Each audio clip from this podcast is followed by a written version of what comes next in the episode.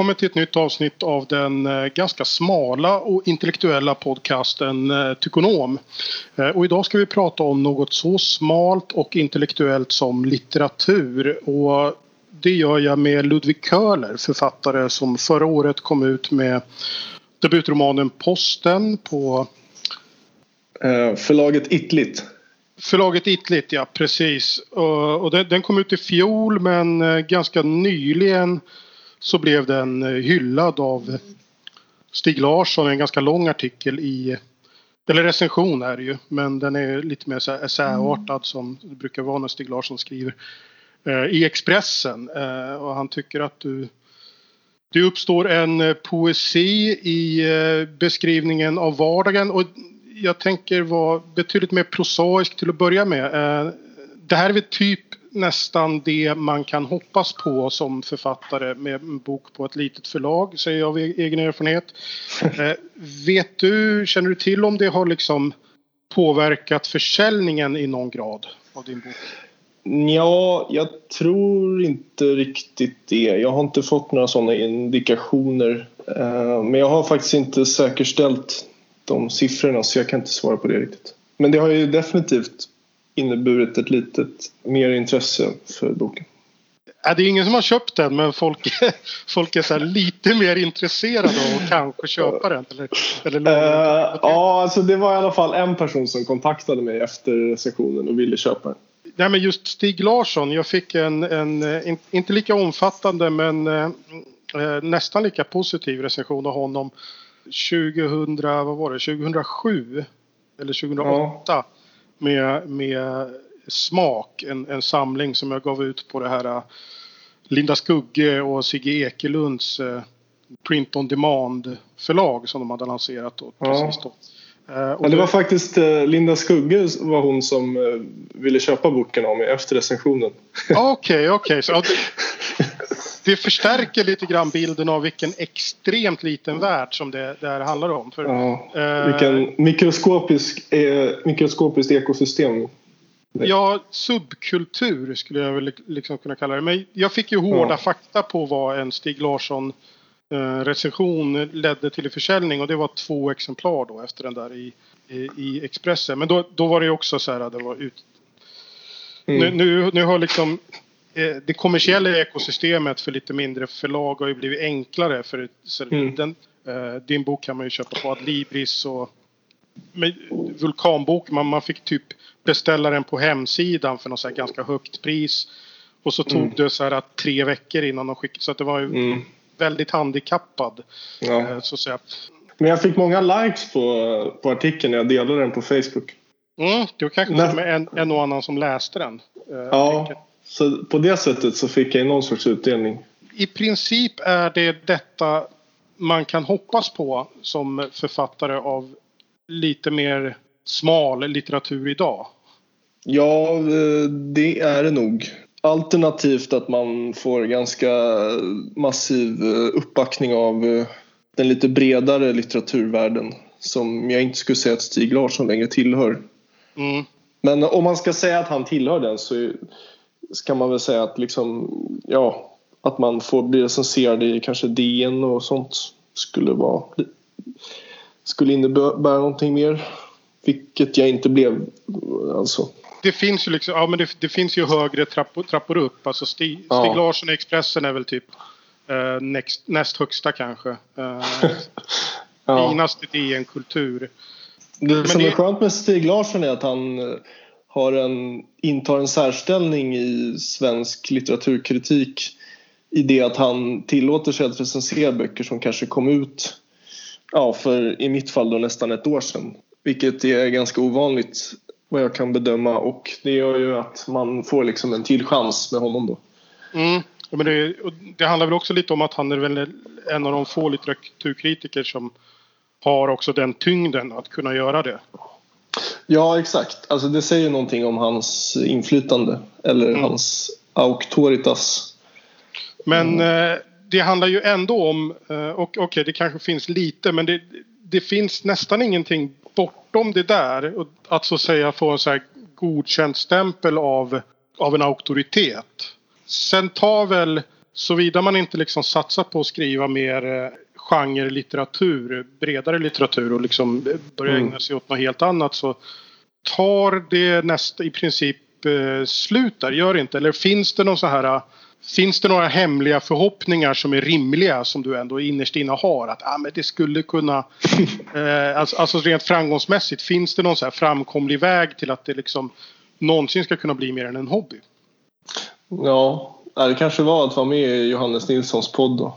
Man, man får ha lite sådana små förhoppningar om att det ska eh, dyka upp någonting kanske. Men eh, ja, alltså för att uttala sig mer konkret så kanske resan tar slut där någonstans. Att man måste liksom bygga på något mer då. Eller bara eh, vänja sig vid att man kommer, ha en, kommer behöva hitta på någonting annat att hitta på.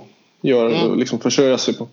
jag ser lite likheter i just det här att det liksom är en stängd bubbla eh, som Mm. eh, där det har väldigt svårt att ge dem mer om man jämför med faktiskt graffiti och klottrakulturen i Stockholm. Jag vet inte om den finns kvar Mm. nu men för så typ tio år sedan när jag Ja. umgicks, umgicks med lite mer folk. Det här var liksom människor Jaha. som eh, ägnade större delen av sina liv åt att liksom skaffa respekt Ja. i en subkultur där liksom ingen annan brydde sig ett skit. Eh, Nej, just det. utan mer, alltså det är lite mer extremt. Jag menar folk blir inte Mm. irriterade över att folk skriver eh, seriös litteratur på samma sätt. Mm. Men det är ändå så här. Här kommer in ett, ett tåg där det står liksom så här eh, Y2K på. Eh, Just det. vem fan Det- bryr sig? Eh, bara liksom ett eh, hundratal, tusental unga Ja. män i Stockholm som är intresserade av det här. Ja, just det. Men vi- vilka umgicks du med om man får fråga? Framförallt, eh, framförallt då gänget runt Y2K. De är från... Jaha. Den gruppen uppstod i Järna. Eller vad man crewet säger man sådär. Ja, Ja, just det. S-line. ja S, eh, vadå, Södertäljelinjen betyder det eller? Ja, jag antar det. Det var ett stort tåggarage i, eh, i- eller det är fortfarande kanske, i Södertälje hamn. Så jag tror Ja, att det, det var där de övade sig på det här med break and enter som blev liksom så här, just det. Eh, typ Ja. det enda sättet du kunde måla tåg i Stockholm för eh, tio år sedan. Så Mm, just det. Ja. Det finns ett bra fame där i krokarna också som jag var vid något tillfälle eh, på, ute där på linjen. Tror man går av vid typ stationen innan Södertälje. Mm, Eh. Rönninge. Ja, det kan det vara. Ett fame är en... eh, Det är väl typ en vägg. Som är väldigt, du vet, Ja. väldigt synlig och bra. Där man, Ja, det kan vara ett område tror jag. Typ en gammal tunnel eller en... eh, I, det fanns ju ett väldigt stort fame i Karlberg som var en gammal eh, tun, tågtunnel vid Karlberg. Som, Mm. eh, det är ju där trakterna jag växte upp. Det var ju Karlbergsfamet som var ganska berömt. Som, där man liksom... Om man skulle ta sin graffiti-oskuld på riktigt så gick man dit och typ la upp en eh, pis när man var så här 12-13. Och där, där kunde man få rådäng också. Eh, Ja, naturligtvis. Och sen så var det ju liksom... Fick man ju, blev man ju övermålad direkt om man var dålig eller så. Men det var väldigt så här snabba, snabba ryck. Ja, jo, men du känner ju till den här kulturen. Eh, Mm. vad, vad tycker du om, om liksom min parallell med... Jo, ja, men jag, jag tycker den fungerar ganska bra. Det finns ju en sån exklusivitet.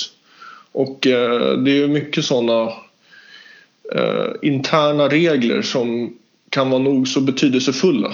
Och om man uppfyller dem eller förhåller sig till dem, följer dem så eh, kan man vinna mycket cred. Och det är ju mycket cred i den här litteratursvängen och sådär. Alltså det är intressant hur man eh, liksom också bygger upp någon form av lojalitet gentemot människor som man kanske egentligen inte umgås med men som man ändå har någon sorts band med för att man håller på med samma sak. Och det kan jag känna igen lite grann från när jag umgicks med så här folk som höll på med graffiti och sånt. Jag, jag var aldrig själv aktiv målare så där, men jag umgicks med mycket folk som eh, höll på med det. Och, eh, och det, var, det fanns liksom en sån... Det, det uppstår ju i sådana grupperingar att man, man gärna umgås med folk som håller på med samma sak naturligtvis men också att man på något sätt har någon sorts... Det är mycket outtalade, outtalade regler som uppstår när man träffar människor som håller på med samma smala grej som en själv. Och det upplever jag är likadant i litteraturvärlden. Och eh, det, det, det, är ganska spännande att se hur det där formas och typ vad, man, vad som är tillåtet och inte tillåtet och sånt. Och liksom, det, det är ganska mycket sådana regler som finns. Finns det liksom ett, eh, ett så här litterärt umgänge typ som, som, eh, som du ingår i någon sån här krets du vet som det ska vara? Existerar mm. sådana saker? Uh, ja, jo, alltså det är inte liksom det är inte så här romantiskt som typ metamorfosgruppen på 50-talet som kunde sitta på någon så här fik eh, liksom varje eftermiddag och typ så här dricka kaffe och röka och typ ja, knarka. men, men eh, alltså visst har man ju någon sorts eh, nätverk för att använda ett tidstypiskt begrepp. Men är det, liksom folk man känner på Facebook eller har, finns det något av det här Jo, men man umgås ändå ganska mycket med, med, med eh, olika författare och, och poeter. Mm.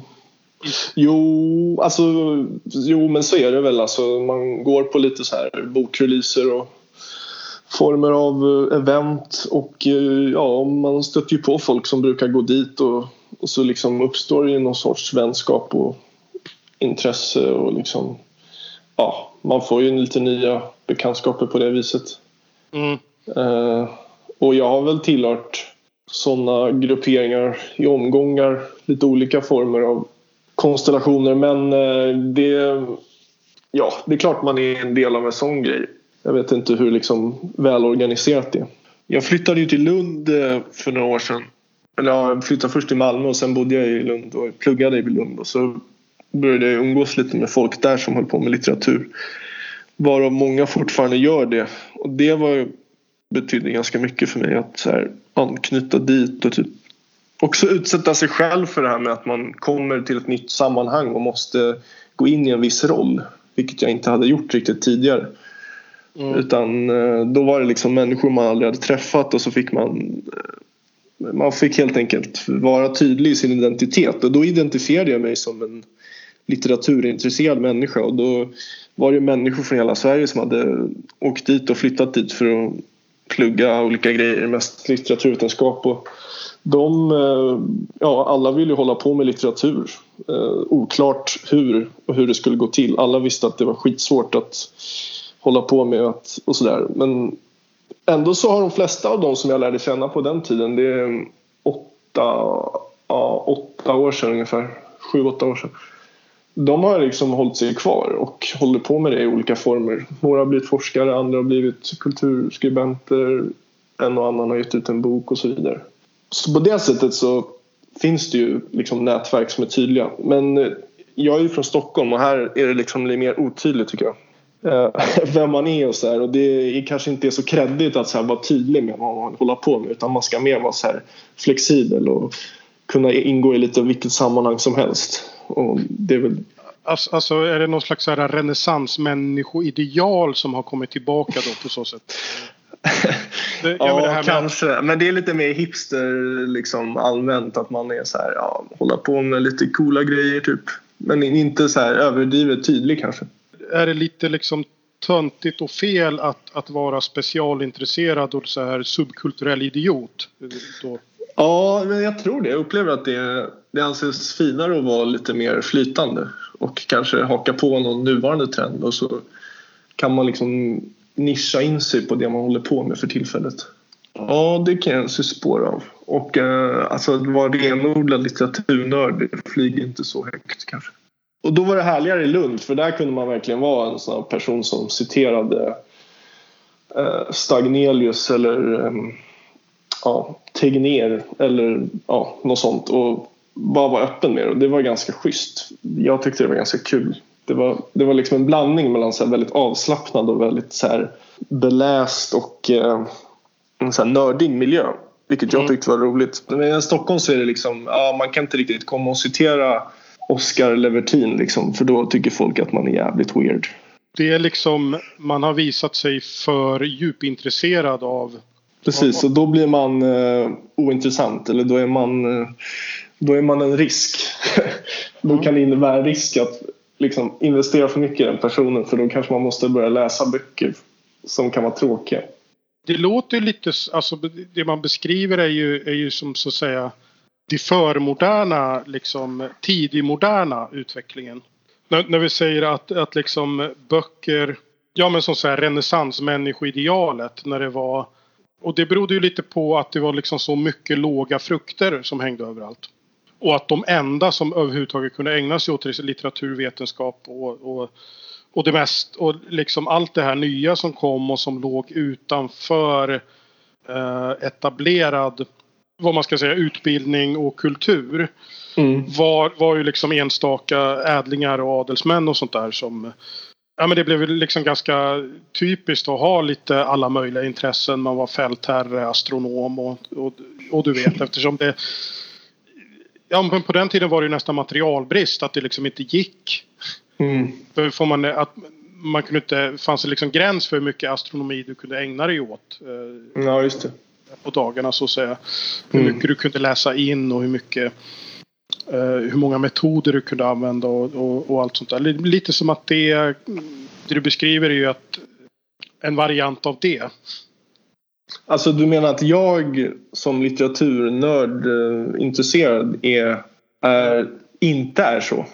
Eller? Precis, har, har blivit, är, är blivit, man blivit anakronistisk då i Stockholmsmiljön där, det har, där man har mm. som du säger är mer så här förmodern adels adelstänkande av någon anledning. Mm. Du menar att det är paradoxalt eftersom att eh, det är så modernt nu för tiden om man ska vara Nej, jag vet inte om det är paradoxalt egentligen. Att det kanske också finns en mättnad för eh, att det nästan... Det kan liksom ha uppstått av, av orsaker som till exempel ett brott som har skett är ju att eh, tröskeln för att liksom ackumulera nördmässig kunskap har ju försvunnit helt och hållet nästan. Jo visst. Precis, det, det gick ju från att nörden var liksom en stadig karaktär i olika tv-serier och filmer när man växte upp till att så här, den personen fick all makt och startade alla hemsidor och communities och nu typ bara är en så osynlig figur som ja. Ja och att, att det nästan är kanske mer är ett liksom eh, tillstånd än en pers personlighetsdrag. Så att säga. Just det, som man inte kan dra upp lite hur som helst utan som man förväntar sig ha full kontroll över. Ja, att, att precis. Att, att det, att det liksom är, kan nästan vara något psykotiskt som kanske folk känner igen sig i. Att du vet man, mm. man blir besatt av ett ämne en kort tid, lär sig allt om det mm. och är liksom så här, bara väldigt intresserad av det ämnet. Just det. Tidigare så hade ju liksom, då hade det ju krävt en, så en stor investering i att liksom mm. bli, skaffa sig mm. full kontroll på om vi tar My Little Pony till exempel. Uh, för att ta ett, ett, exempel på en kultur som har på märkliga sätt har blivit en Precis. En, en nördfixering så att det, det kanske mm. liksom... Och då fanns det en butik i Stockholm som man gick till och köpte alla liksom, holländska My Little Pony VHS på. Och så lärde man känna han som stod i butiken och så lärde man känna den typ andra personen i Stockholms län som också hade det intresset. Ja. Och så liksom uppstod det någon sorts eh, ja, gemenskap i det. Men nu har det liksom blivit mycket mer ja, utfragmenterat kan man säga. Ja, och lättillgängligare som gör att det liksom inte blir... Man, mm. man kanske upplever att mm, lite mer så här, inte oh, wow, du har lagt ner så mycket, vilket projekt, Nej. utan mer så här, skärp dig, sitter du liksom, eh, du sitter och obsessar över det här liksom, tar, ja, spä, spänn av liksom så här, fan, Precis. Lär dig googla ja. när du behöver något liksom. Just det, och det som har hänt är liksom att de här grejerna som man växte upp med som var så kulturellt högstående har blivit ganska ointressanta, är det inte så? Att liksom, eh, det, det slår inte så högt längre och typ har hört alla Bob Dylans bootlegs eller har läst eh, ja vad vet jag eh, alla Isaac Asimovs böcker liksom. Nej, eller och, och, där, och även har eh, en, en subkultur som tidigare har den varit en, har den liksom varit en egentligen samma slags subkultur som bronies men bara mm. att den har liksom statssubventionerats och, och upphöjts i, i, liksom, eh, i samhället generellt väldigt mycket, litteraturen då. Mm, just det. Uh, ja, det är ju bra att läsa, det vet ju alla. Ja, precis. Det, det är väl det är väl någonting man liksom försöker eh, intänka sig själv för att eh, motivera det man håller på med. Och också mm. sådär. Jag har aldrig riktigt sett några bra argument i sig på att det är bra att läsa.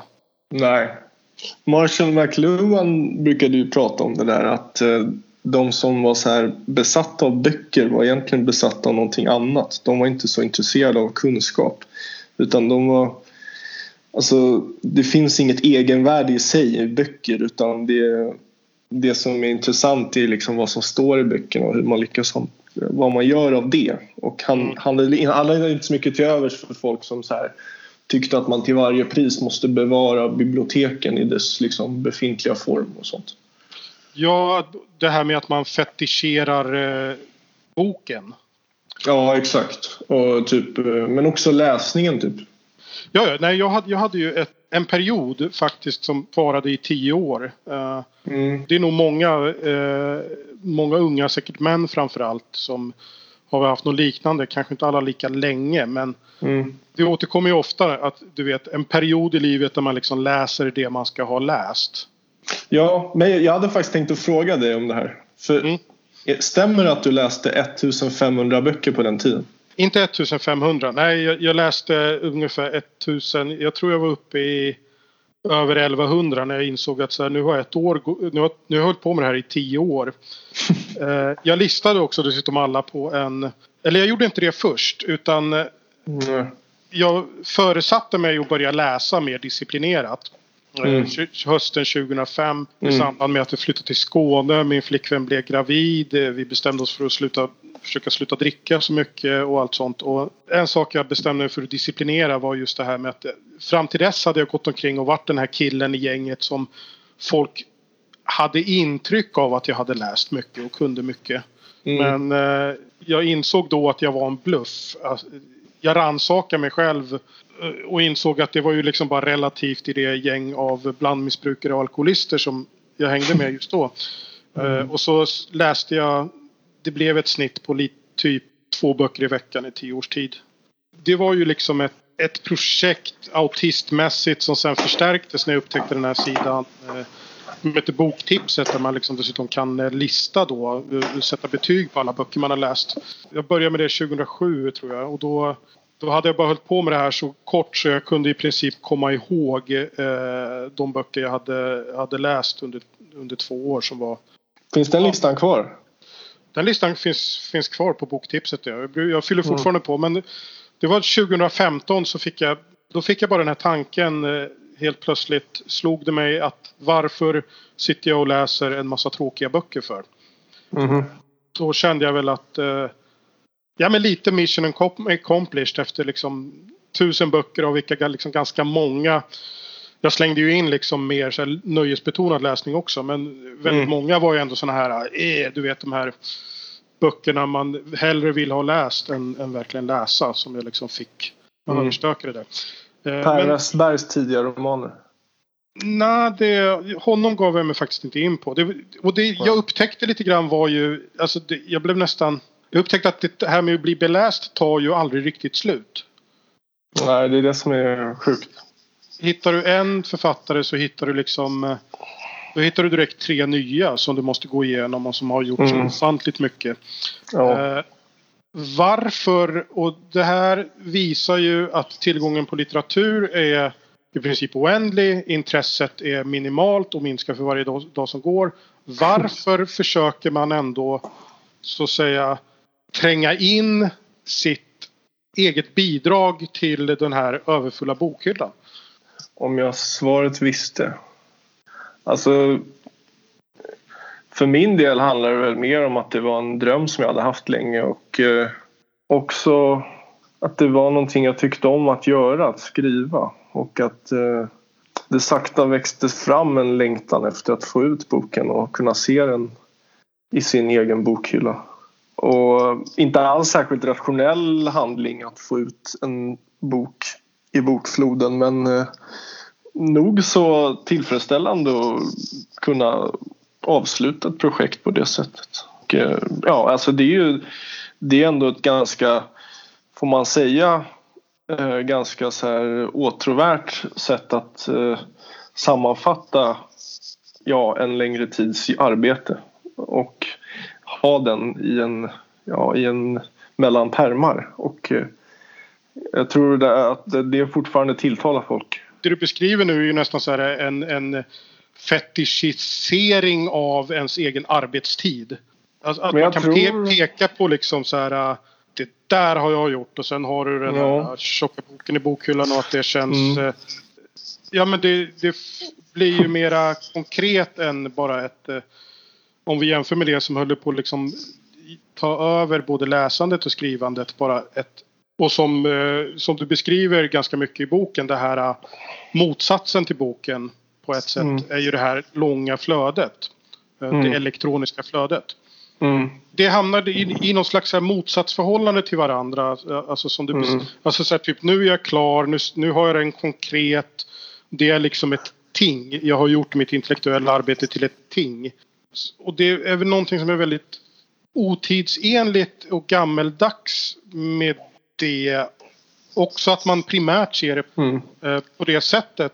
För om, om, du skulle, om vi skulle åka tillbaka 50 år och fråga dig som författare så skulle det självklara svaret på frågan tror jag för de flesta nästan vara att det är ett sätt att nå ut eh, oavsett mm. till eh, om, okay, även om det bara är liksom några hundra eller något tjugotal så är det liksom det är det enda sättet att nå ut med någonting på något sätt förutom liksom det Eh, det rena umgänget. Om du vill kommunicera någonting så gör du det ju mycket, mycket snabbare och bättre från ditt Twitter eller Facebook-konto än genom att Ja men det är väl sant men eh, samtidigt så eh, innebär ju en bok också en mycket rakare kommunikation på något vis. Så att man ändå lägger över någon sorts ansvar till en läsare att sätta sig in i en mycket längre text och ja, en text som man har med sig. Alltså om du har en bok kan du läsa den när du vill och så vidare. Så det är ju fortfarande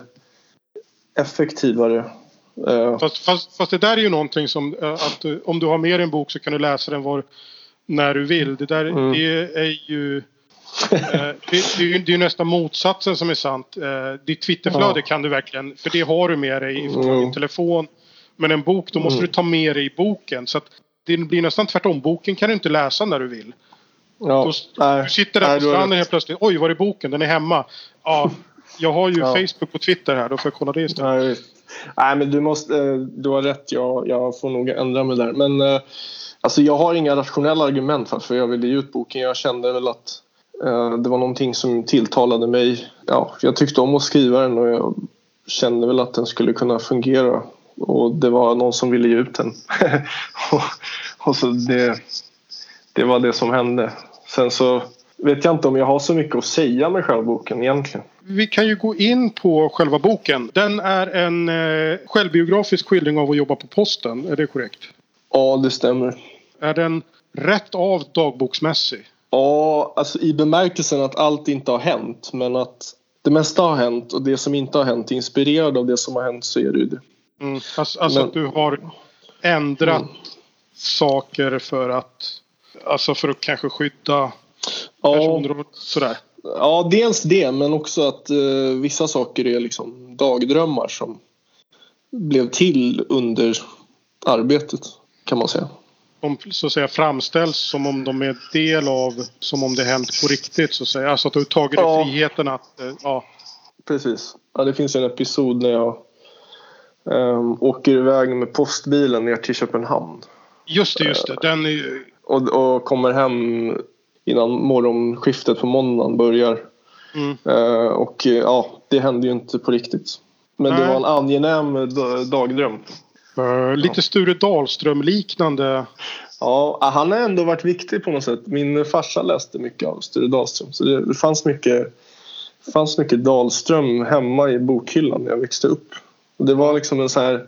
Ja, jag, läste nog inte Dahlström själv förrän jag var kanske 23 men det, var, det fanns någon känsla där som jag tyckte om tidigt och som jag försökte få fram lite grann. En sak som är intressant med Dahlström är att man tänker att den här liksom typiska Dahlström-karaktären eh, som kändes så här så upplivande och, och, och härlig mm. då skulle varit en liksom så här arg Twitter-kverulant idag. Ja, ja det, det är fullt möjligt. Alltså, det är ganska roligt att tänka på alla de här gamla svenska nationalhjältarna hade befunnit sig i denna sida av historien. Eh, men eh, jag tror väl att eh, han antingen hade varit liksom full Lamotte berserk eller typ lite mer så här Kjell Bergqvist eh, oktanisk. Du, du, du uh, tror att han hade varit en hysteriker i vilket fall? Ja, men liksom mycket adrenalin och sådär och mycket liksom Kanske lite som han Gustav Lund på Twitter. Han är ganska så här, han är lite full i fan och gillar att så här reta upp folk och sen typ så går han iväg och så kommer han tillbaka och och så ska han vara så jävla arg och så liksom och så säger han bara nej jag bara skojar typ. Vet du vad jag äh, menar? Ja men, men typ vill, vill så här peta i brasan. Eh, peta in ja. i brasan lite grann. Precis. Där uppstår lite frågan så här. Alltså, hade Sture Dahlström haft det här? Hade han liksom hade behovet funnits kvar av att skriva de här böckerna då?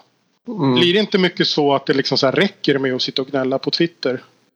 Jo, alltså det är nog sant att mycket energi tas i anspråk för det och att man inte har lika mycket energi att skriva roliga romaner. Men ja, jag kände ju inte Dahlström så nära egentligen så jag vet inte men eh, sannolikt hade han ju ja, varit lika ojämn som alla andra som lever idag så han hade väl kanske inte varit någon mästertwittrare men jag tänker också lite grann att den här eh, du vet behovet av att liksom skapa de här upprorsmän snedstreck kverulanterna då som, mm. som är hela hans litteraturproduktion. Det behovet hade liksom kanske inte funnits om man hade, kun, om man hade kunnat sitta och kräka ur sig eh, sitt liksom hat mot svensk byråkrati.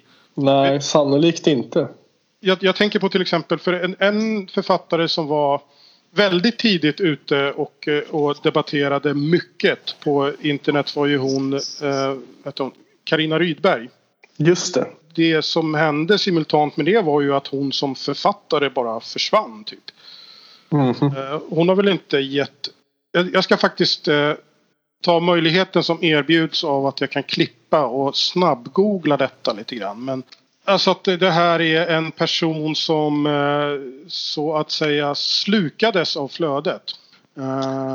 det som vässar, vässar vargars tänder 2006. Okej, okay, hon har skrivit lite dramatik men vad Radioteatern. När skruven dras åt efter Henry James. Uh, det var för mm. fem år sedan så gjorde hon alltså mm. en dramatisering av en... Ja, mm. uh, precis. Stärker min tes lite grann så här. Det här är ju någonting som uh, din bok... Nå någonting som Stig Larsson missade.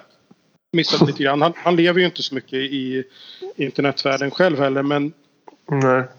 Men din bok är ju, jag, jag, tycker det finns det här liksom eh, motsatsförhållandet för att det är en bok, den är gjord i det här liksom gammeldags döende formatet där man liksom mm. så att mm. säga det som driver den är ju liksom att konkretisera eh, det här mm. annars ständigt undflyende flödet och ha det liksom mm. Men den handlar ju väldigt mycket om flödet. Eh, I alla, I alla fall andra mm. delen. För det, för det här är ju en... Ja, tredje delen ja. Tredje.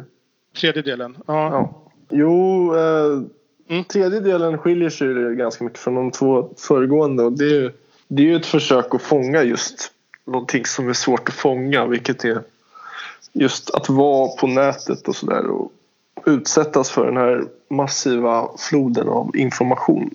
Och eh, det är ju ganska svårt. En sak som jag tänkte på, det här politiker, debattörer, eh, aktuella frågor men ja, de här mm personliga varumärkena som namn är. De droppas på ett sätt som eh, påminner lite grann om American Psycho eller någon så här Per Hagman-roman. Fast istället mm. för liksom eh, snygga eller parfymer eller liksom eh, dyra mm. spritsorter eller snygga eh, kreditkort så är det liksom eh, kända varumärken som Hanif Bali och, och, och, mer exklusiva som Daniel Lampinen. Ja, det är nog så att eh, om man ska försöka se på någon sorts analys av det så är det väl att vad som har hänt är liksom att, eh, ja vi var ju inne på det förut att så här, musik och sånt det är inte lika coolt längre. Det är inte så jävla respektfullt att typ äga alla skivor av Bob Dylan. Så istället så äger man ju på något vis åsikter idag. Eller snarare typ man liksom följer olika personer. För politik har ju ersatt liksom kultur i stor bemärkelse. Alltså politik i väldigt bred bemärkelse. Men typ så här, alltså värderingar, filosofi och sånt. Man konsumerar ju liksom till exempel nyheter och så olika ledartexter och så kolumner. Och så typ bygger man upp någon sorts samling. Mm. Att, och så har man typ, det är så, typ som att man har hockeybilder och så kan man så byta med andra. Jaha, eh, tyckte du också så här Malcolm Tjejunes text om vilka offras på frihetens altare var tung? Så här, ja, den var grym. Så här. Ja, vad, har du läst Ann-Charlotte Altstadt i Fokus? Typ? Eh, ja, den var ju så jävla dålig. Typ. Okej, okay. men vad mm. tycker du om eh, vad tyckte du om så här Ekis essä i DN typ? Och så liksom har ju det uppstått någon sorts kultur kring det. Mm. Och det var någonting som jag försökte fånga i texten faktiskt. Eller jag tycker i alla fall att det fortfarande går att få hitta något sånt som sker i texten. Och att det, alltså det, det kan ju bli så jävla trassligt liksom eftersom att det inte är just fysiska saker utan det är liksom åsikter. Det blir ju lite att, att bokens begriplighetsdrag på ett sätt ökar ju ju mer man själv är inne i det här Twitterträsket liksom sådär. Jo, alltså personer jag har pratat med som jag vet inte är det och verkar inte ha uppskattat den sista delen så mycket. Eller verkar inte tycka att det är så förståeligt heller kanske. Men de verkar också vara lite så här, de undrade typ hur jag mådde efter att ha läst den och så. de två första delarna då så förekommer då nästan inga ledtrådar alls till var i tiden man befinner sig. Förutom att det är någon gång första halvan av 2010-talet.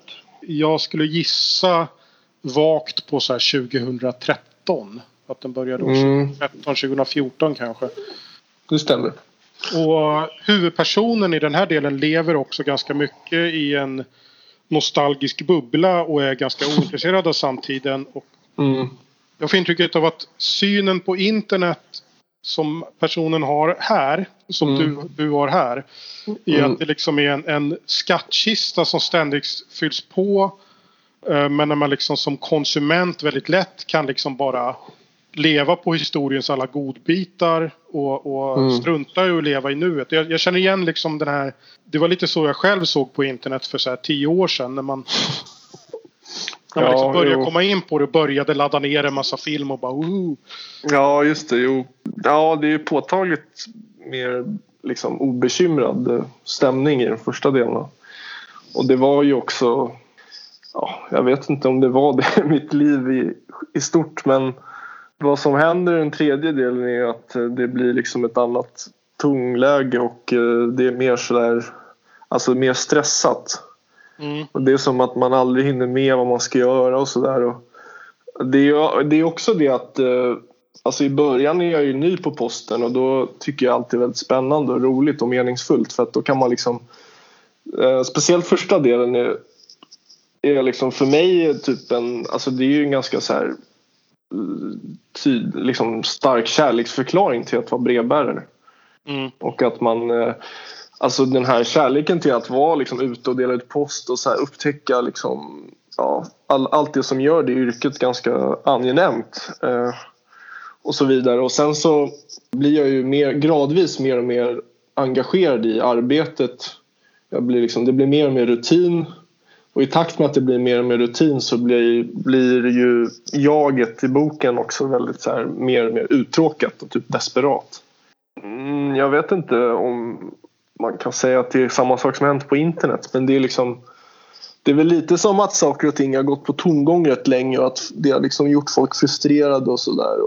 Man kanske liksom inte riktigt kan uppskatta det man har heller. Alltså det är som du säger, det var en gång en skattkista men nu så Alltså när jag tänker på internet idag så tänker jag bara på mayhem typ och att det är Alltså det är någon sorts Jag vet inte, dårhus där alla bara mår dåligt. Men, mm. men när man tänker på det så är det ju fortfarande en skattkista och det kanske säger någonting om människan också att vi inte är så bra på att göra någonting av det vi har och sådär. Vi liksom, ja, vi sliter mm. ut saker och typ börjar liksom, ja, om man stänger in ett visst antal människor i ett rum så kanske de först tycker att det är trevligt att vara där och sen så blir det mer och mer rutin och till slut så kanske de sliter varandra i stycken om det vill sig riktigt illa. Det behöver ju inte nödvändigtvis vara så att just om vi säger att, att du skrev det här 2013 att du kanske inte var i synk med hela resten av samhället. Det var ju, mm. Twittersamhället hade ju kommit igång. Sociala medier mm. var ju igång redan då men det ja. skildrar ju ändå som bok så skildrar den ändå liksom två sorts internet. Mm. Eh, den ena mer harmonisk och den andra är ju den här ja uppslukade, stressade, ångestfyllda. Precis. Ja men 2013 så kunde man ju fortfarande skicka liksom en typ ett klipp med, med liksom Stereolab till sin kompis. Och så var inte det något konstigt. Men idag så liksom skickar man Ja, eller i alla fall jag skickade, var väldigt länge sedan jag skickade låtar till folk. Nu skickar man de här nutida hockeybilderna som är ja, en text av Vidar Andersson på Folkbladet till exempel. Det har ju blivit lite så att det, att det är ju så här. Äh, ja men liksom begära att någon ska lyssna på en hel låt. Det är ju lite så här. Äh, det är lite krävande. Ja exakt. Ja, men det, det känns helt klart. Äh, det är som att be någon typ stå och titta på ett konstverk i en timme. Ja, det är i alla fall i så tre och en halv minut som en låt är lång. Sådär. Mm. Alltså. Ja, men det tycker jag är väldigt påtagligt. Alltså, jag var ju väldigt inne i musikvärlden. Jag höll på väldigt mycket med, Jag köpte väldigt mycket skivor. Jag jobbade till och med i skivaffär innan det typ blev omöjligt för liksom, mm. gemene man. Eh, och eh, alltså, det är ju väldigt sjukt hur, vilken förändring det har skett där. Alltså. Eh, hur, hur liksom intresset för musik och så har dalat. Och hur det idag alltså är ganska Alltså vilken tråkig grej det är att typ hålla på med musik. Ja, ja. Är det inte så här typ lite loser-stämpel om man säger så här fyra snubbar spelar i ett band? Tänker man inte så här bara? Jo, jo men alltså det är liksom det känns typ som att vara någon som är med i nykterhetsrörelsen. Typ. Mm. Alltså det är så här, ja men det är väl kul att de håller på men jag skulle inte typ lägga min veckobudget på att se dem spela. Jag tänker på ett, just för de här äh, två kontrasterna lite grann på den första och andra delen. Jag tar ett citat här. Mm. I stereo snurrar Dire Straits och det hade lika gärna kunnat vara år 1982 eller 1999. Eller varför inte 2005. Jag kan bli så lycklig av att tänka så. När den tredje delen kommer igång så får man nästan direkt veta att det är år 2017 och sen finns det datumangivelser mm. på varje anteckning. Mm. Och samtiden är liksom eh, påträngande närvarande exakt hela tiden. Ja. Eh, det blir lite så att huvudpersonen liksom missbrukar flödet istället för att oh. vältra jo, men, sig i eh, nostalgin. Till, till, till. Jo, precis. Ja, men det, jag tycker ordet missbruka är ganska bra. Alltså för att det är någonting drogliknande över det som används i den delen av boken. Sättet att typ handskas med verkligheten eller vad man ska säga. Eller det som man konsumerar på nätet. Det är något drogigt över det. Mm. Och det, är liksom, det, det, är inte roligt längre. Det är inte så här att man delar en skön låt av Dire Straits. Utan det är liksom det är typ att man går upp på morgonen och behöver ta sin första dos media och sen så liksom tillbringar man hela dagen med att förhålla sig till det och så behöver man liksom hela tiden ta nya doser och så vidare.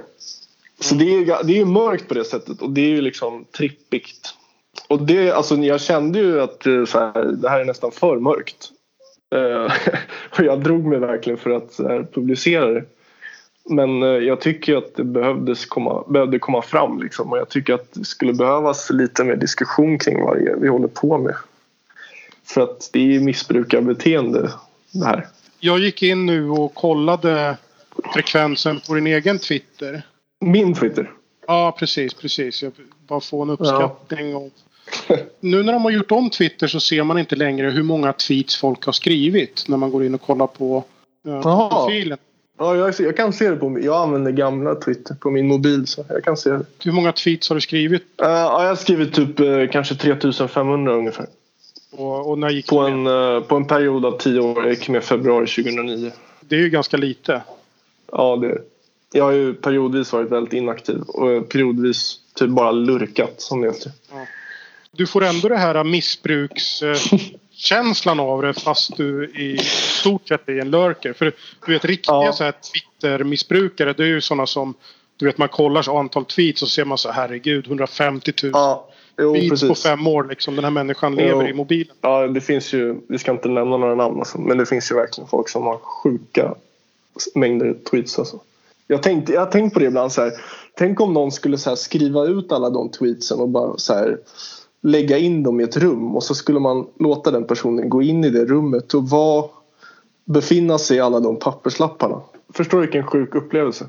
Det hade man ju kunnat göra liksom bara som, ja men som du sa för att få det konkret och handfast så här bara. Pam, leverera en, du vet Mm. en rejäl bok med dina 150 000 tweets. det borde ju bli ganska, en ganska tjock bok tycker jag. Ja, men också en ganska smärtsam upplevelse tror jag. Alltså, Tjock och väldigt dålig. Ja, men en, ja, precis. Men en ny form av så här, typ ångest inför sitt liv. Om man inser vad man har gjort. Ja, Det är ju det som är så barmhärtigt med, med Facebook är ju att du vet det jag har skrivit 2010 det är så långt bak så att det liksom eh, hela he- sidan är ju inte gjord för att jag ska kunna på ett enkelt sätt. Den är ju inte indexerad nej, precis. Så det kan precis. bara liksom försvinna i, i töcknet. Mm. Nej, precis. Men alltså, för att återknyta till det du sa förut så tror jag mycket väl att man kan lurkmissbruka.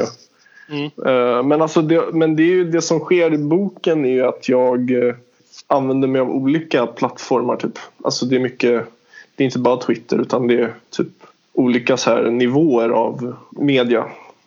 Och det var, alltså jag konsumerade så mycket media då. Jag kanske gör det nu också i och för sig men jag vet inte. Men alltså det var ganska sjukt att titta så mycket på typ, alltså jag, jag lyssnade ganska mycket på radio, jag tittade på liksom typ Rapport, jag, lys- jag kollade på Twitter, jag läste liksom tidningar och sånt. Alltså det blir, ja det, det är ganska speciellt alltså. Det är verkligen du- speciellt. Ja. Du har liksom så att säga tänt av från det beteendet genom att skriva boken. Nej, jag vet inte. Jag har ingen bra svar på den frågan. Men eh, jag har ju periodvis försökt att eh, köra liksom någon sorts eh, fasta. Jag lyckades fasta ganska bra för ett tag sedan. Eh, men sen så typ inser man att så här, man inte riktigt minns hur det var innan man höll på med det där. Och så har- märker man att man fungerar bättre om man typ tar sin dagliga dos liksom, när man har gått upp. Man fungerar liksom bättre som människa. Typ som att man behöver liksom, för en rökare så måste man röka för att liksom komma igång. Jag, jag har gjort såna grejer som att jag har eh, tagit bort, jag har inga sociala medier på min eh, mobil till exempel. Nej, Så hur fungerar det då? Jo, det, men det gör ju att jag till exempel så eh, då blir det automatiskt fasta om jag åker iväg och gör någon, någonting. Mm, precis. Ja, jag har en regel att jag inte använder min mobil när jag, när jag ligger i sängen och ska sova. Det är ganska skönt. Det blir att jag, att jag liksom gör det så att det blir som så att säga ett arbete. Jag öppnar datorn. Just det. Ja, men det är väl... Så Ja. har ju det gjort att det, det här med att titta på film. För det var ju någonting som när när det var som värst. Mm. Eh, så det, när man börjar så här eh, multitaska mobiltelefon och film. ja. Tv-serier på samma gång. Det är det som, det som kändes så här riktigt sunkigt. Eh, Ja, ja men då, då märker man ju att det är någonting som inte stämmer. Det var Mm. så här, då får man ju så här typ eh, ens förfäder som befinner sig inuti en de, liksom, de når fram och säger så här hallå stopp här stopp och belägg det här går inte så här, så här ska det inte gå till. Men annars är man ju ganska ja jag vet inte annars så tänker man inte så mycket på det. Men, men just det, alltså, det där med att titta på tv och att multitaska är ju faktiskt väldigt så här det, det måste ju, det inser man ju är ganska osunt. jo, men det, jag märkte ju att det, det blir väldigt mycket tydligare hur osunt det är. Eller kanske att det signalerar att jag faktiskt tittar på en ganska tråkig tv-serie om jag liksom måste ta nästa steg och öppna datorn för att liksom sitta och eh, distrahera mig själv från filmen. Jag tycker väl att lite grann så visar ju det här eh, utvecklingen som har skett att eh, hur mycket liksom människans beteende handlar om liksom höjden på olika trösklar. Mm. Eh, Den extremt låga tröskeln att, att du har telefonen med dig hela tiden och det är bara att sätta, sätta på den och liksom gå, in- gå in och titta. Den får ju en enorm påverkan på oss människor. Att då gör vi det bokstavligen jämt. Ja visst. Eh, Har du en eh, laptop som är på hela tiden. Då måste du hämta laptopen, öppna den och sen kommer den igång och sen så går du in och så lite högre tröskel, du gör det mer sällan. Har du en stationär dator som är avstängd Mm. som står någonstans. Då går du liksom och sätter på den och det är egentligen li- är det liksom de här de här olika leden är ju mer vad som avgör och huruvida vi kommer göra någonting snarare än liksom vår egen självdisciplin. Mm.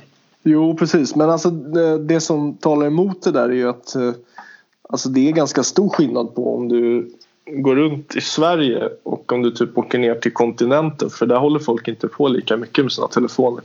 Tycker du inte? Nej, alltså jag har varit i de senaste åren har jag, varit, har jag tänkt på det här och jag har varit i, jag har varit i Tyskland, i Berlin och så har jag varit i Prag mm. och så har jag varit i norra Italien och eh, ja, i Paris.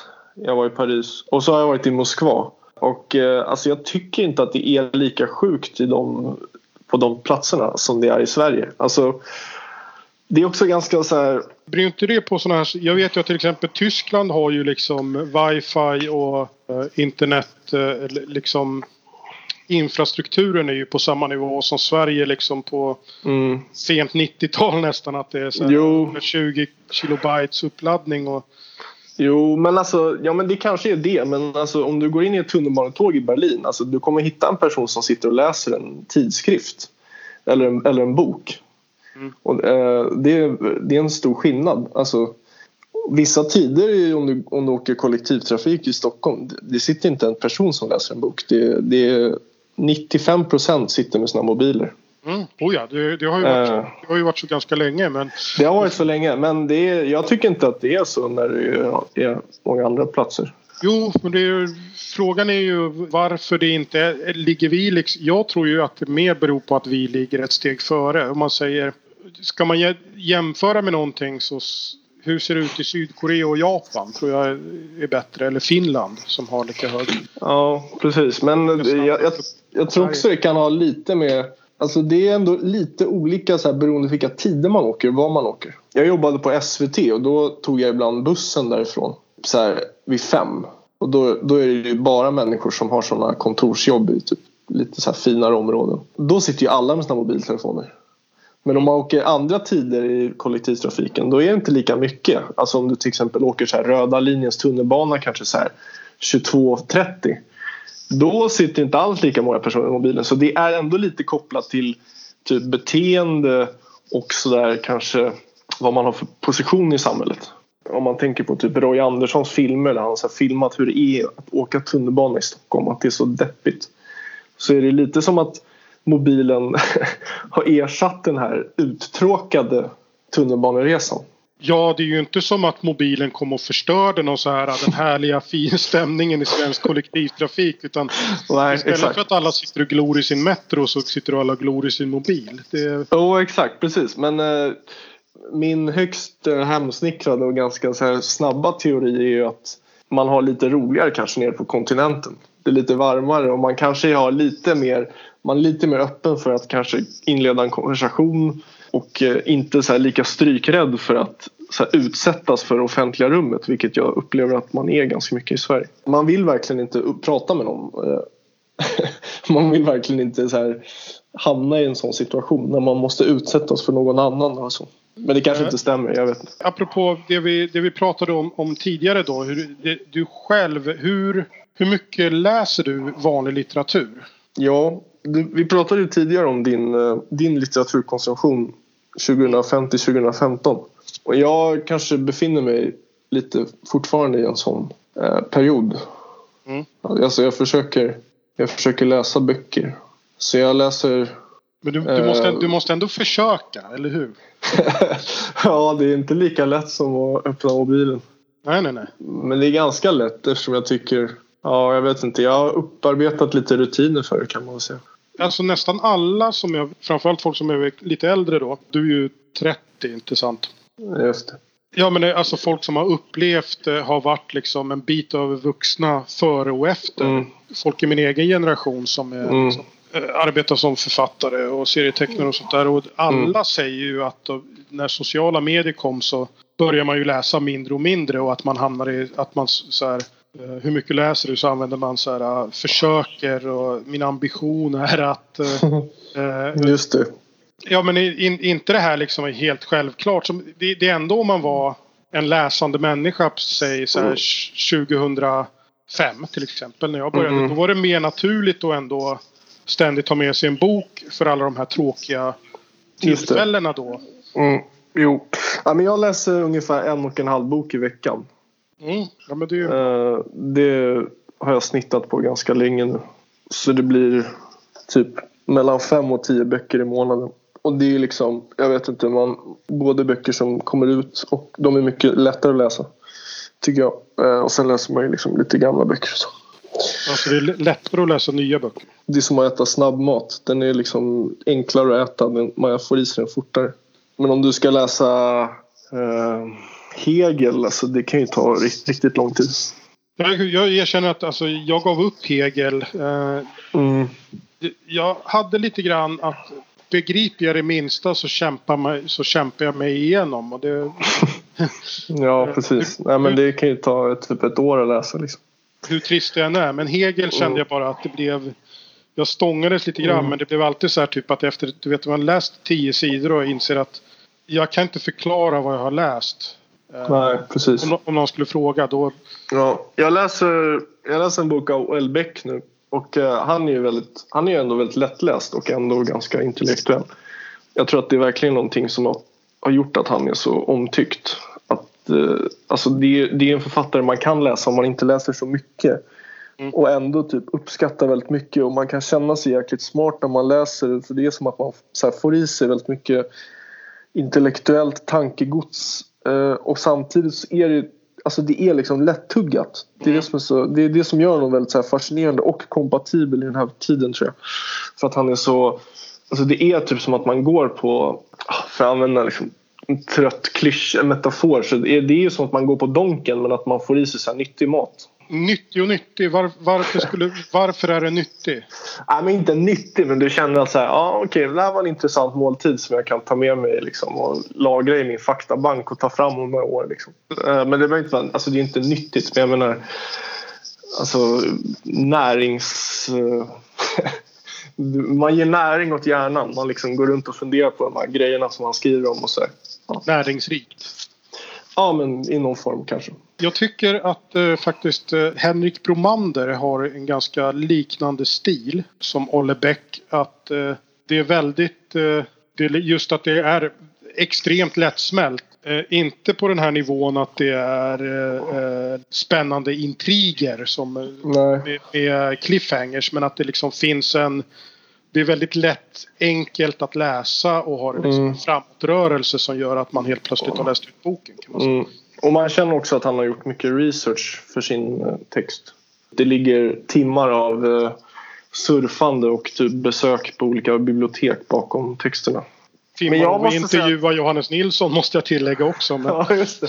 Men jag måste säga att jag aldrig orkat med Henrik Bromander. Jag tycker hans texter osar för mycket av... Eh, det är någon sorts sorts 90-tals ironiskt flinande bakom texterna. Mm. Som jag tycker är Alltså det, det gör mig lite så här oengagerad i läsningen. Det känns som att man får lite för mycket serverat som läsare och blir, man blir så där han skriver om massa olika personer och det känns som att det finns en distans mellan honom och de här personerna och att han typ det är lite som när man eh, man sitter liksom ett gäng och typ så här garvar lite åt en person som beter sig konstigt. Eh, kan ha lite svårt för det med hans texter. Att det blir lite för mycket av den varan. Det finns en, han har gjort en serie som är jävligt bra som handlar om en så fransk antropolog. Ja, som, som flyttar till typ Sydamerika och blir han där blir på något sätt eh, assimilerad i en väldigt så intern och obskyr indianstam. Och så liksom tappar han förståndet. Ja, den är ju skriven som som om han beskrev en, en så här eh, fransk antropolog som är existerande ja, på riktigt. För den placerar precis. honom i den ja. världen. Ja men det var det som var så bra. För första gången jag läste den så fattade inte jag att det var på, på, på skoj. Eller jag var inte helt säker på det. Och jag mm. tycker det var, det var en kvalitet i texten också. Att det, man inte riktigt visste om så här, aha, Ja, man kan ju liksom Claude Lévi-Strauss och typ eh, Marcel Mauss och liksom några till. Och så, så här, är han också det? Jag har glömt bort vad han hette i den här serien. Men jag tyckte fan det var väldigt snyggt gjort. Alltså hur han, hur han liksom använde, för det var upp, uppenbart att han liksom hade läst in sig på de här franska antropologerna och eh, behärskade det materialet så pass bra så att han kunde göra en sån serie. Mm. Och jag tyckte han lyckades bra med det utan att eh, det blev på något sätt... Ja, alltså som sagt, jag tycker mycket av de andra grejerna jag läste om honom dras lite med det där problemet att man inte riktigt vet om han sympatiserar med huvudkaraktären eller inte. Undrar om inte problemet är det här att det på något sätt märks det att Bromander själv är smartare än karaktären han skildrar. Ja, men det är det. Man, man känner att han alltid är steget före. Och mm. typ eh, det, det blir lite så här... Ja, jag vet inte. Kan, det, det, finns någon sorts nerv typ i texten som jag ibland kan sakna. Och jag kanske, den kanske framträdde mer i den här eh, serien om den här franska antropologen. För där var det som att det fanns ett, ett moment av osäkerhet mm. som jag tyckte gjorde, tillförde någonting. Det är nog att det, om, om vi tar Olle Bäck brukar ju nästan alltid ha en karaktär som är ungefär som Olle Bäck själv. Eh, på ja, exakt. Men, eh, utbildnings, utbildningsnivå och vit heterosexuell man som blir äldre och äldre typ. Ja, eh, och, och de bor alltid på de platser han har bott själv nyligen. Typ det är ju liksom en gammal form av romanskrivande som är väldigt... Alltså den utgår väldigt mycket från en själv och så. Och, ja men det är kanske här vi har hans, eh, hans liksom kommunism gör sig gällande och, och då kanske... Ja, för han måste, han måste ju alltid skriva om personer som är så långt ifrån honom som möjligt verkar det som. Och liksom marginaliserade arbetarklass eh, mm. eh, personer som du vet sällan har någon utbildning. Mm, precis. Ja. ja. men det blir lite som en blandning av så här läsvärt liksom, reportage i Arbetaren och eh, jag vet inte, habil romankonst. Sättet du har skrivit din bok på är en, eh, en stil som jag skulle vilja kalla för alienerad. Mm -hmm.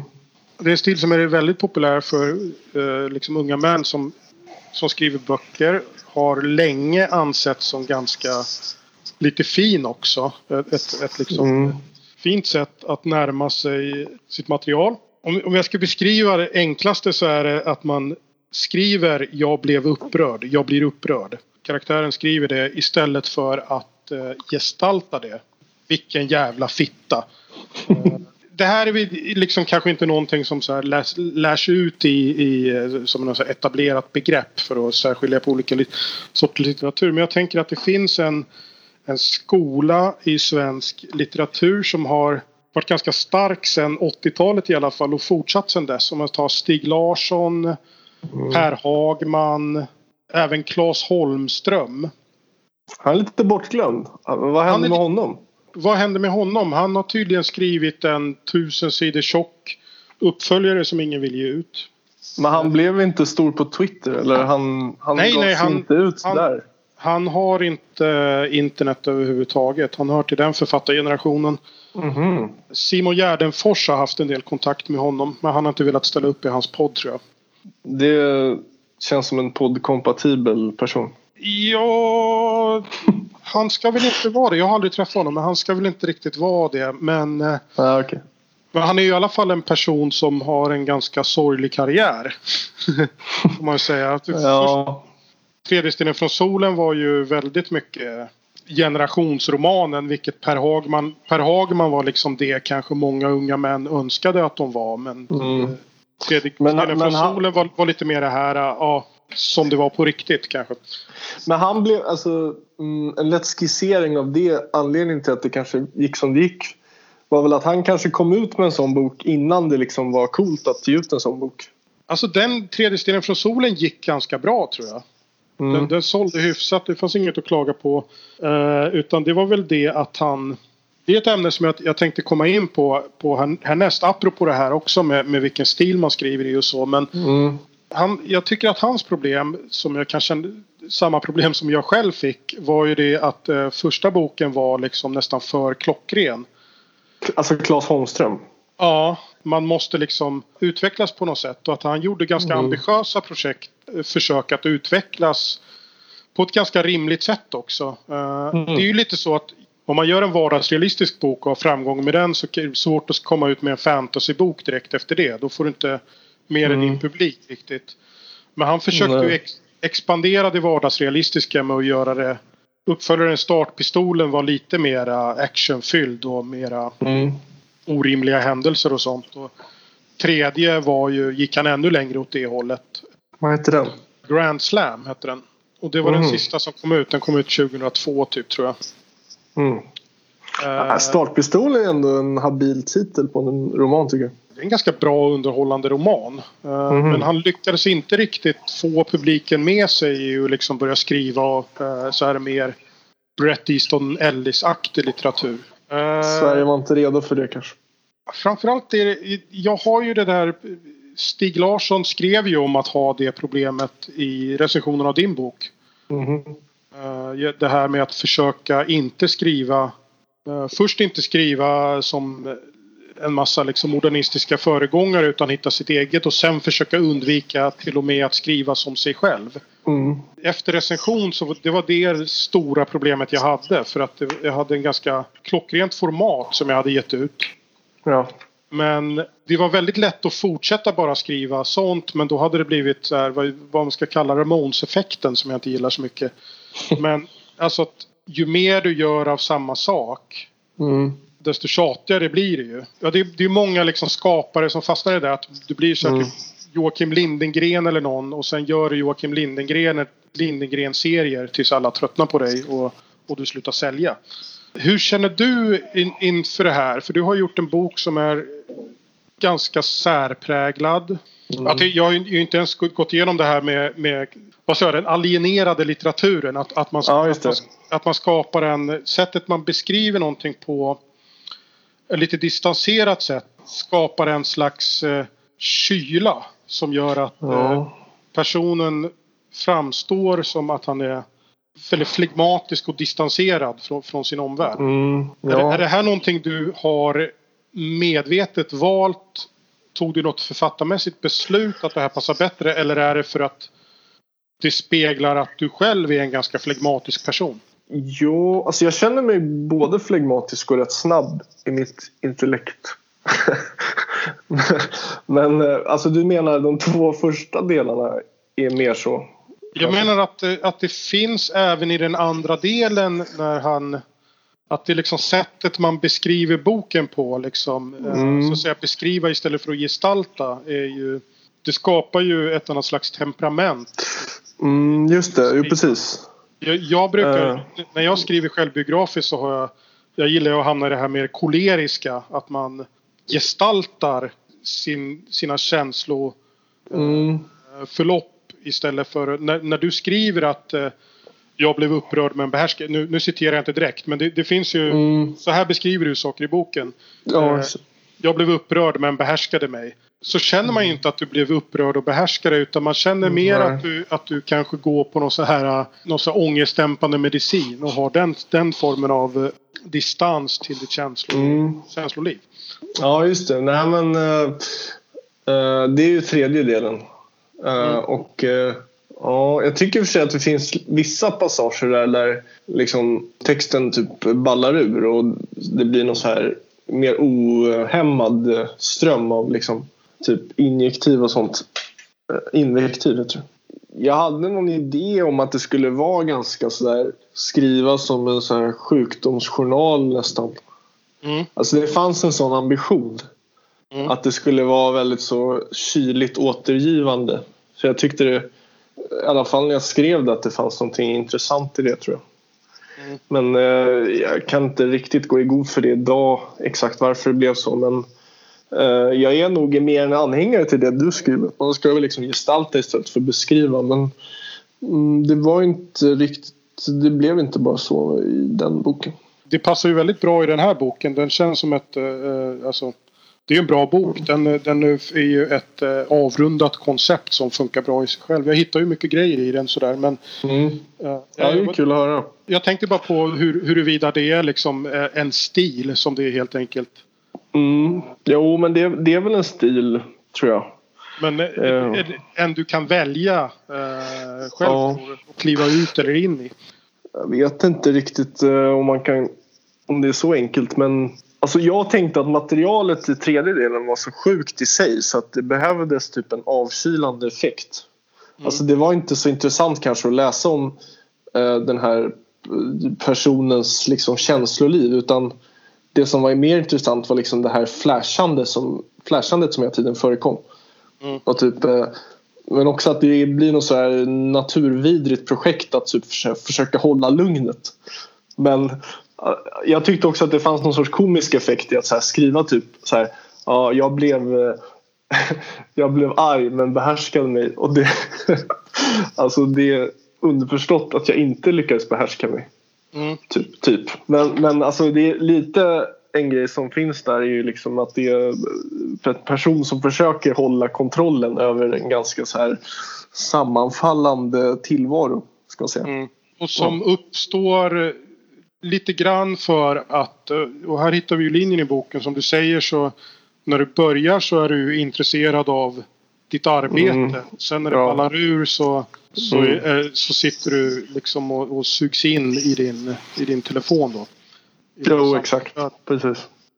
Ja, nej, men eh, det är ju ganska mycket där som kajkar ur. Eh, och eh, ja, jag jobbade inte på posten så länge till efter, efter det där. Det är ju de sista, den sista tiden på posten beskrivs ju där i sista delen. Eh, stilen går ju igenom boken. Det är ju liksom en grundstil. Den alienerande mm. stil som liksom går igenom boken och som får en starkare kontrast i, i den andra delen. Jag undrar lite grann hur de två delarna skrevs. För den första är ju liksom mycket tidigare och sen sker ju ett mm. långt eller de två första är ju mycket mm. tidigare. Mm. Sen sker mm. ett ganska långt uppehåll och så hamnar vi i 20, 2017. Mm. Ja, jo, det finns ett glapp där men Nej, så vad som hände var att jag, jag började jobba på posten eh, våren 2013. I samma veva som eh, Skunk Community återlanserades. Ah. Som jag vet att du också använt, eller är med på. Eller ja, typ. jo, jag har inte varit inne där.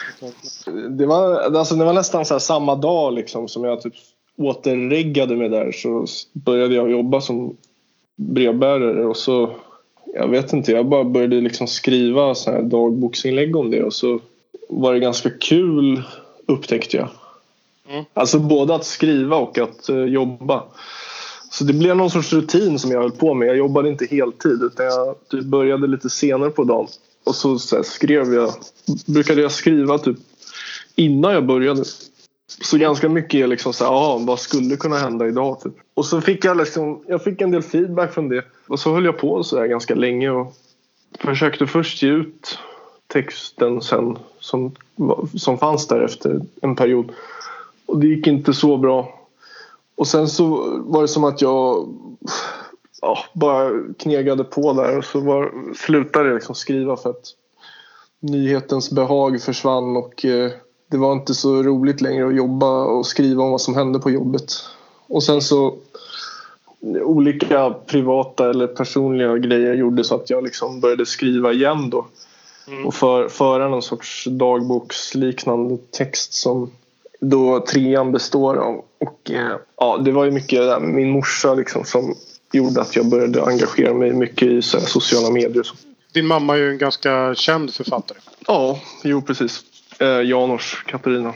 Det, det gav ju mig en helt ny insyn i olika saker för att hon var så drogs in i det där. Och, eh, ja, eller var väl eh, ganska delaktig i många så här, vad ska man säga, Twitter-fejder för att uttala sig milt.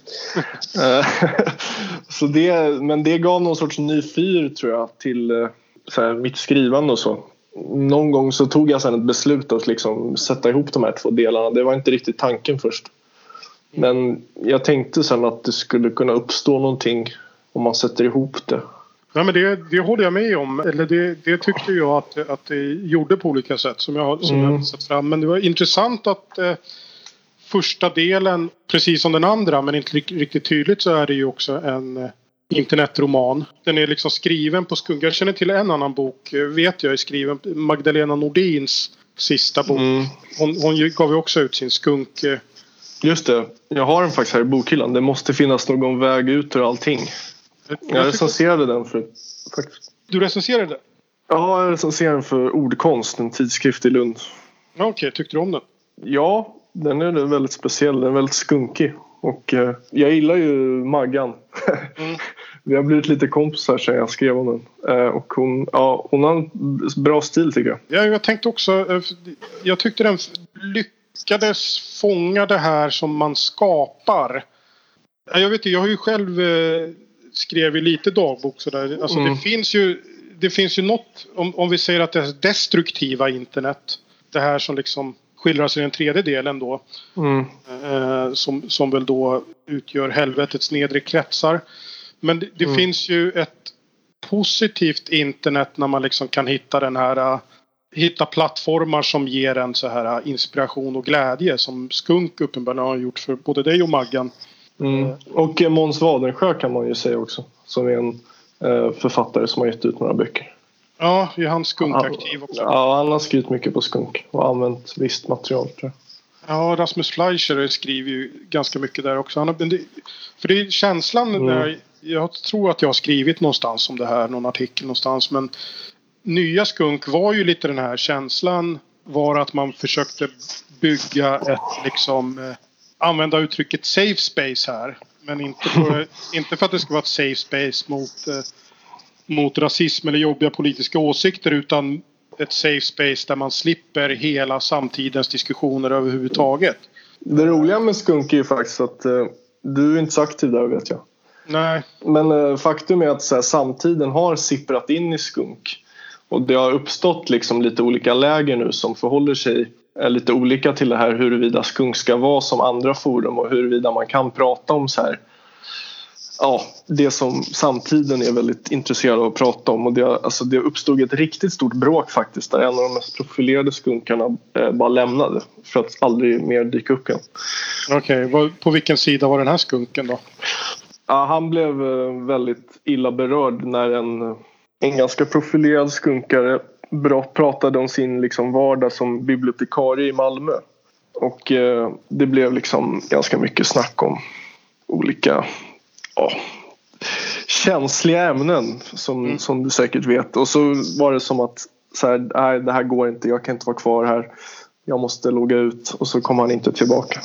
Ja, men Gud, får jag, får jag berätta om det här? Jag vet inte. Det känns liksom lite internt. Men...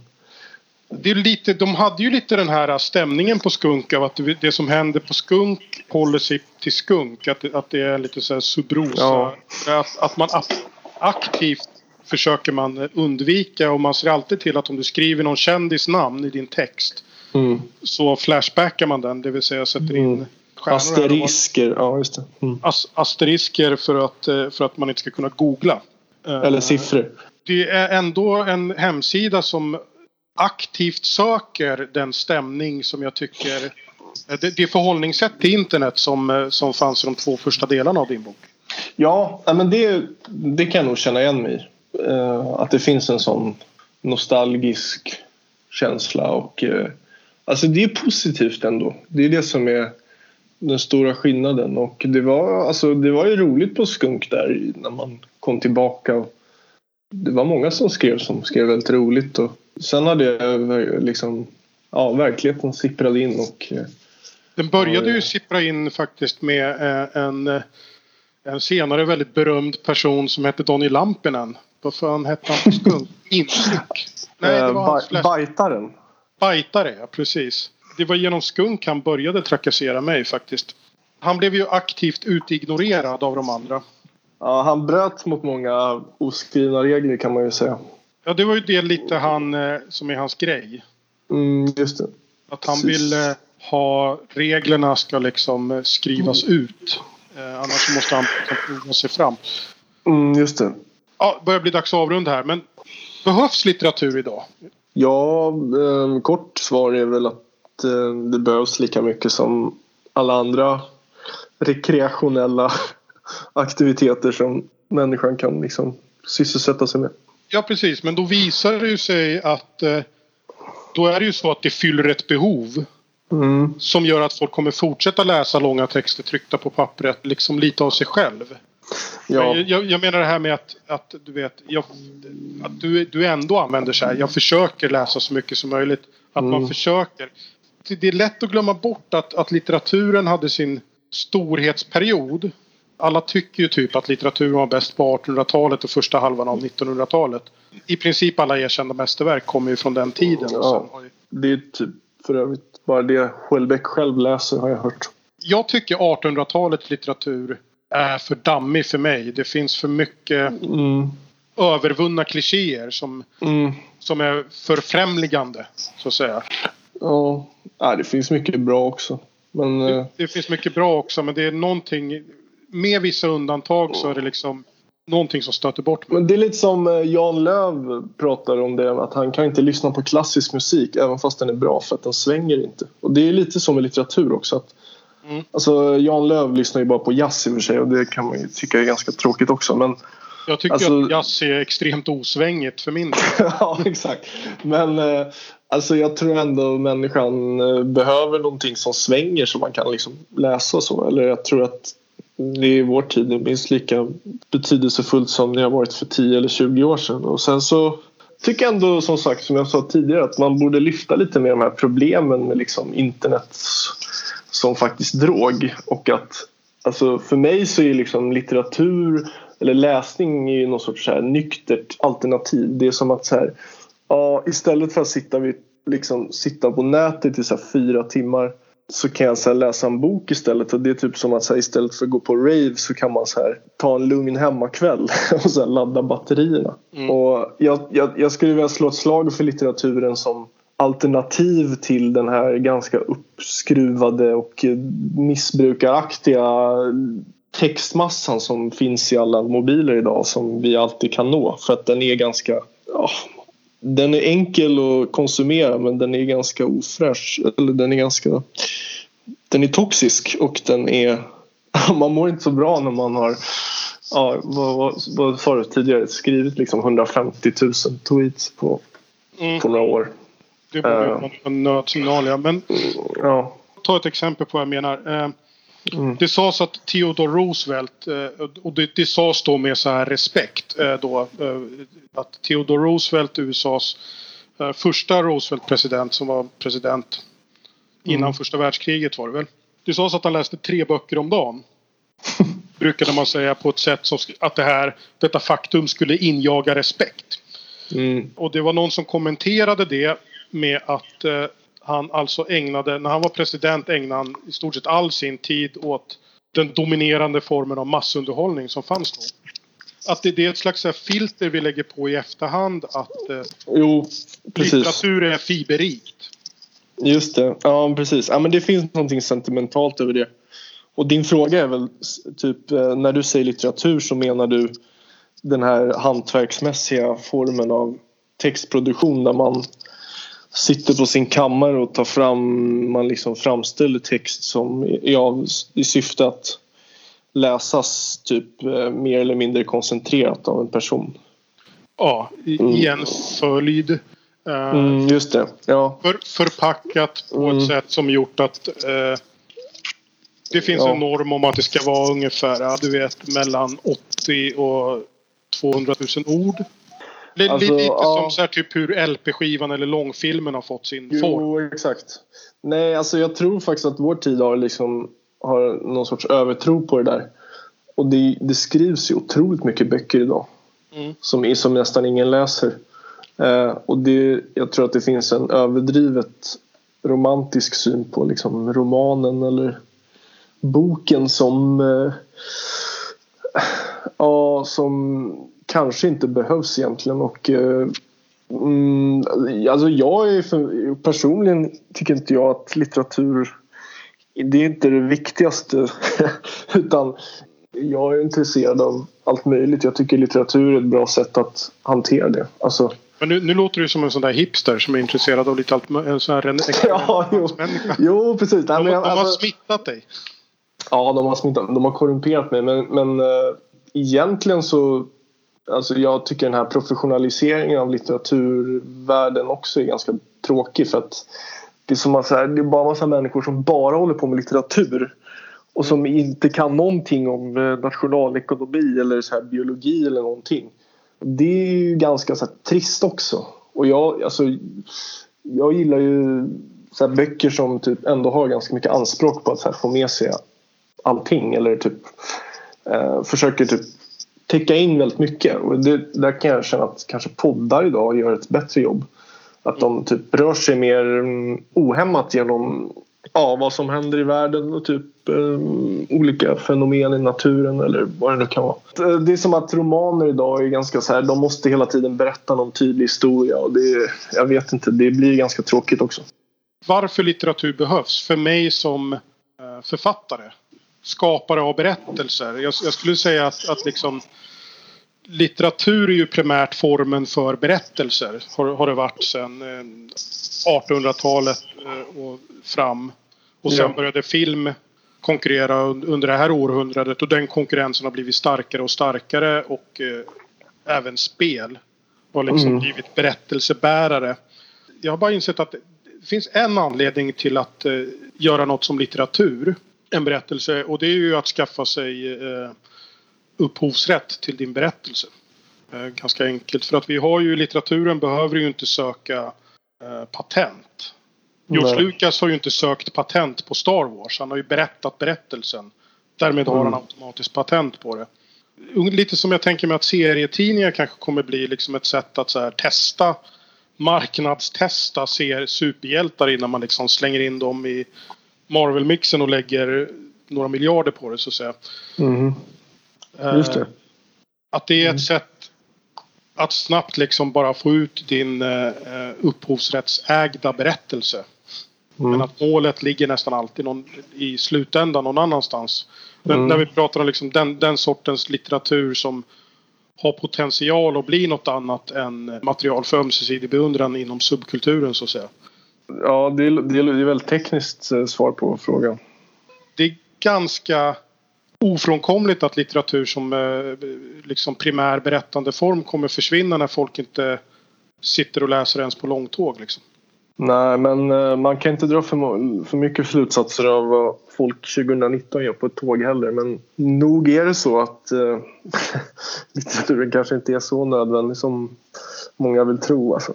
Det är ja, det är ett stort problem. Alltså, egentligen behöver människan inte så mycket kanske. Nej, jag, jag tänker att det är som så här, typ, andra saker som folk av någon anledning tycker att vi har behov av men eh, som vi trots det ändå inte ägnar oss särskilt mycket åt. Det är ju så här, poesi och teater till exempel. Som mm. har ju känts som väldigt länge som egentligen döda konstformer. Ja, det, det finns det ju många som har sagt att det är det är faktiskt någonting som O.L. Beck talar om i den här boken jag läser om refug. Mm. Poesin är död. Och ja, man kan ju anföra bevis på att det är så. Kanske särskilt i Sverige som är ett sånt ganska prosaiskt land. Alltså, det finns ingen social status i att kunna recitera poesi och sånt. Nej. Eh, vilket det faktiskt bara i Storbritannien, som inte är så långt härifrån, har ett annat värde. Han Boris Johnson, deras premiärminister, han kan ju han kan ju liksom eh, Iliaden på grekiska utan till eh, i stora drag. Det finns ett ganska roligt klipp där han reciterar det. Mm. Och alltså det var ju han talmannen i Sverige, Norlén, när han typ reciterade, var det Runeberg? Fältmarskalkens, ja, någonting sånt. Eh, då blev det ju reaktionen är så typisk tycker jag. Att så här, folk bara tycker att han är ett freak för att han kan det. Mm. Och då, det säger också någonting om poesins ställning. Att så här, det finns inte på kartan att man skulle kunna ägna sig åt några sådana tossigheter. Ja precis. Teater är ju också så här, alltså det, det känns ju som en så här. Ja, teater mm. i Sverige är ju mer ett, ett, en slags liksom sätt att, att sysselsätta vissa personlighetstyper som ändå inte passar in i samhället. Liksom. Väldigt omständig ja, i form av vård. Precis. Fast te teatern har ju ändå en speciell position eftersom att den är så den hänger ihop så mycket med tv och filmvärlden. Och filmvärlden ju, har ju väldigt hög status. Ja, det, är, det är en slags farmaliga till... Uh, precis. I alla fall vad det gäller skådisar. Jag tror inte teaterregissörer har så lätt för att ta sig in på film. Nej, men uh, jag tror mycket av det där ändå backas upp av eh, att det, alltså teatervärlden just lever mycket på, på det tror jag. Men, men eh, på, ja precis, men poesivärlden är ju i alla fall så att eh, mm, det är väldigt få i Sverige som förväntar sig att man typ ska kunna poesi utan till och så. Vilket är alltså bara i Ryssland eller så, så är det ju annorlunda. Och det där har ju gått ganska fort liksom att devalvera poesins roll eller poesins värde och det kanske också har i det kanske också är parallellt med att man typ inte förväntar sig att folk ska kunna så mycket utan till. Mm. Då är det ju rimligt att en sån eh, konstform ryker. Eh, eftersom att mycket av alltså gamla tiders poesiintresse handlade om att man liksom memorerade dikter och sånt. Det är ju det, det, är det formen är till för. Att, att eh, poesi ja, är gjort för att kunna Precis. komma ihåg. Jag citerar. Precis. Uh, ja, men uh, alltså jag som ändå har umgåtts ganska mycket i så kallade poesikretsar upplever att alltså till och med i sådana kretsar så uppfattas man ju som underlig om man kan dikter utan till. Och det säger väl någonting om den stilens, eh, ja, konstformens position. Vi kan i alla fall konstatera att, att litteraturen är döende och att den inte behövs egentligen. Nej, men det är kul. Alltså, det är roligt att skriva, det är roligt att läsa. Så det är min sista fråga är just det. Eh, vad, vad jobbar du på nu då? För nu, den här boken kom ju ut förra året. Skriver ja, du på något äh, nytt eller, eller mm. Eh, glider du, liksom, sitter du bara och, och rullar ner ditt Twitterflöde dagarna igen? ja, jag, jag, har varit, eh, jag har varit pappaledig nu ett tag. Ska snart sluta med det och har faktiskt haft väldigt lite tid att skriva och, och försöker mest läsa in mig på lite andra grejer och eh, har lite olika idéer på vad man skulle kunna göra. Jag tycker det saknas mycket litteratur även fast det kanske inte känns som det. Så jag ska försöka Ja, men lite mer så här eh, typ... Um... Ge mig en hisspitch. Okej, okay, men lite mer som typ den här boken som Ann Heberlein skrev för ett tag sedan. Som, eh, som typ handlar om en SD-person på skånska landsbygden. Fast eh, jag vill inte skriva en sån bok men jag skulle skriva någon liknande bok som typ gestaltar de här konstiga Twitterflödena som finns. För att svara lite mer på din förra fråga så alltså jag tror ändå litteraturen har en speciell eh, kraft att kunna hantera saker som pågår i samhället och därför så kommer den att liksom finnas kvar. Alltså romanformen då Slutligen, skulle du, har du något eh, projekt du skulle vilja göra reklam för eller någonting du, när du ändå är här? Uh, ja, jag har faktiskt startat en podd själv nu som heter Kallischer och Köhler. Det är en podd som uh, sitter och snackar lite uh, snackar skit om allt möjligt som händer. Som mm. man gärna får lyssna på. Ja, och den finns på din poddspelare, eller? ja, den är på gång. Den finns på Soundcloud också.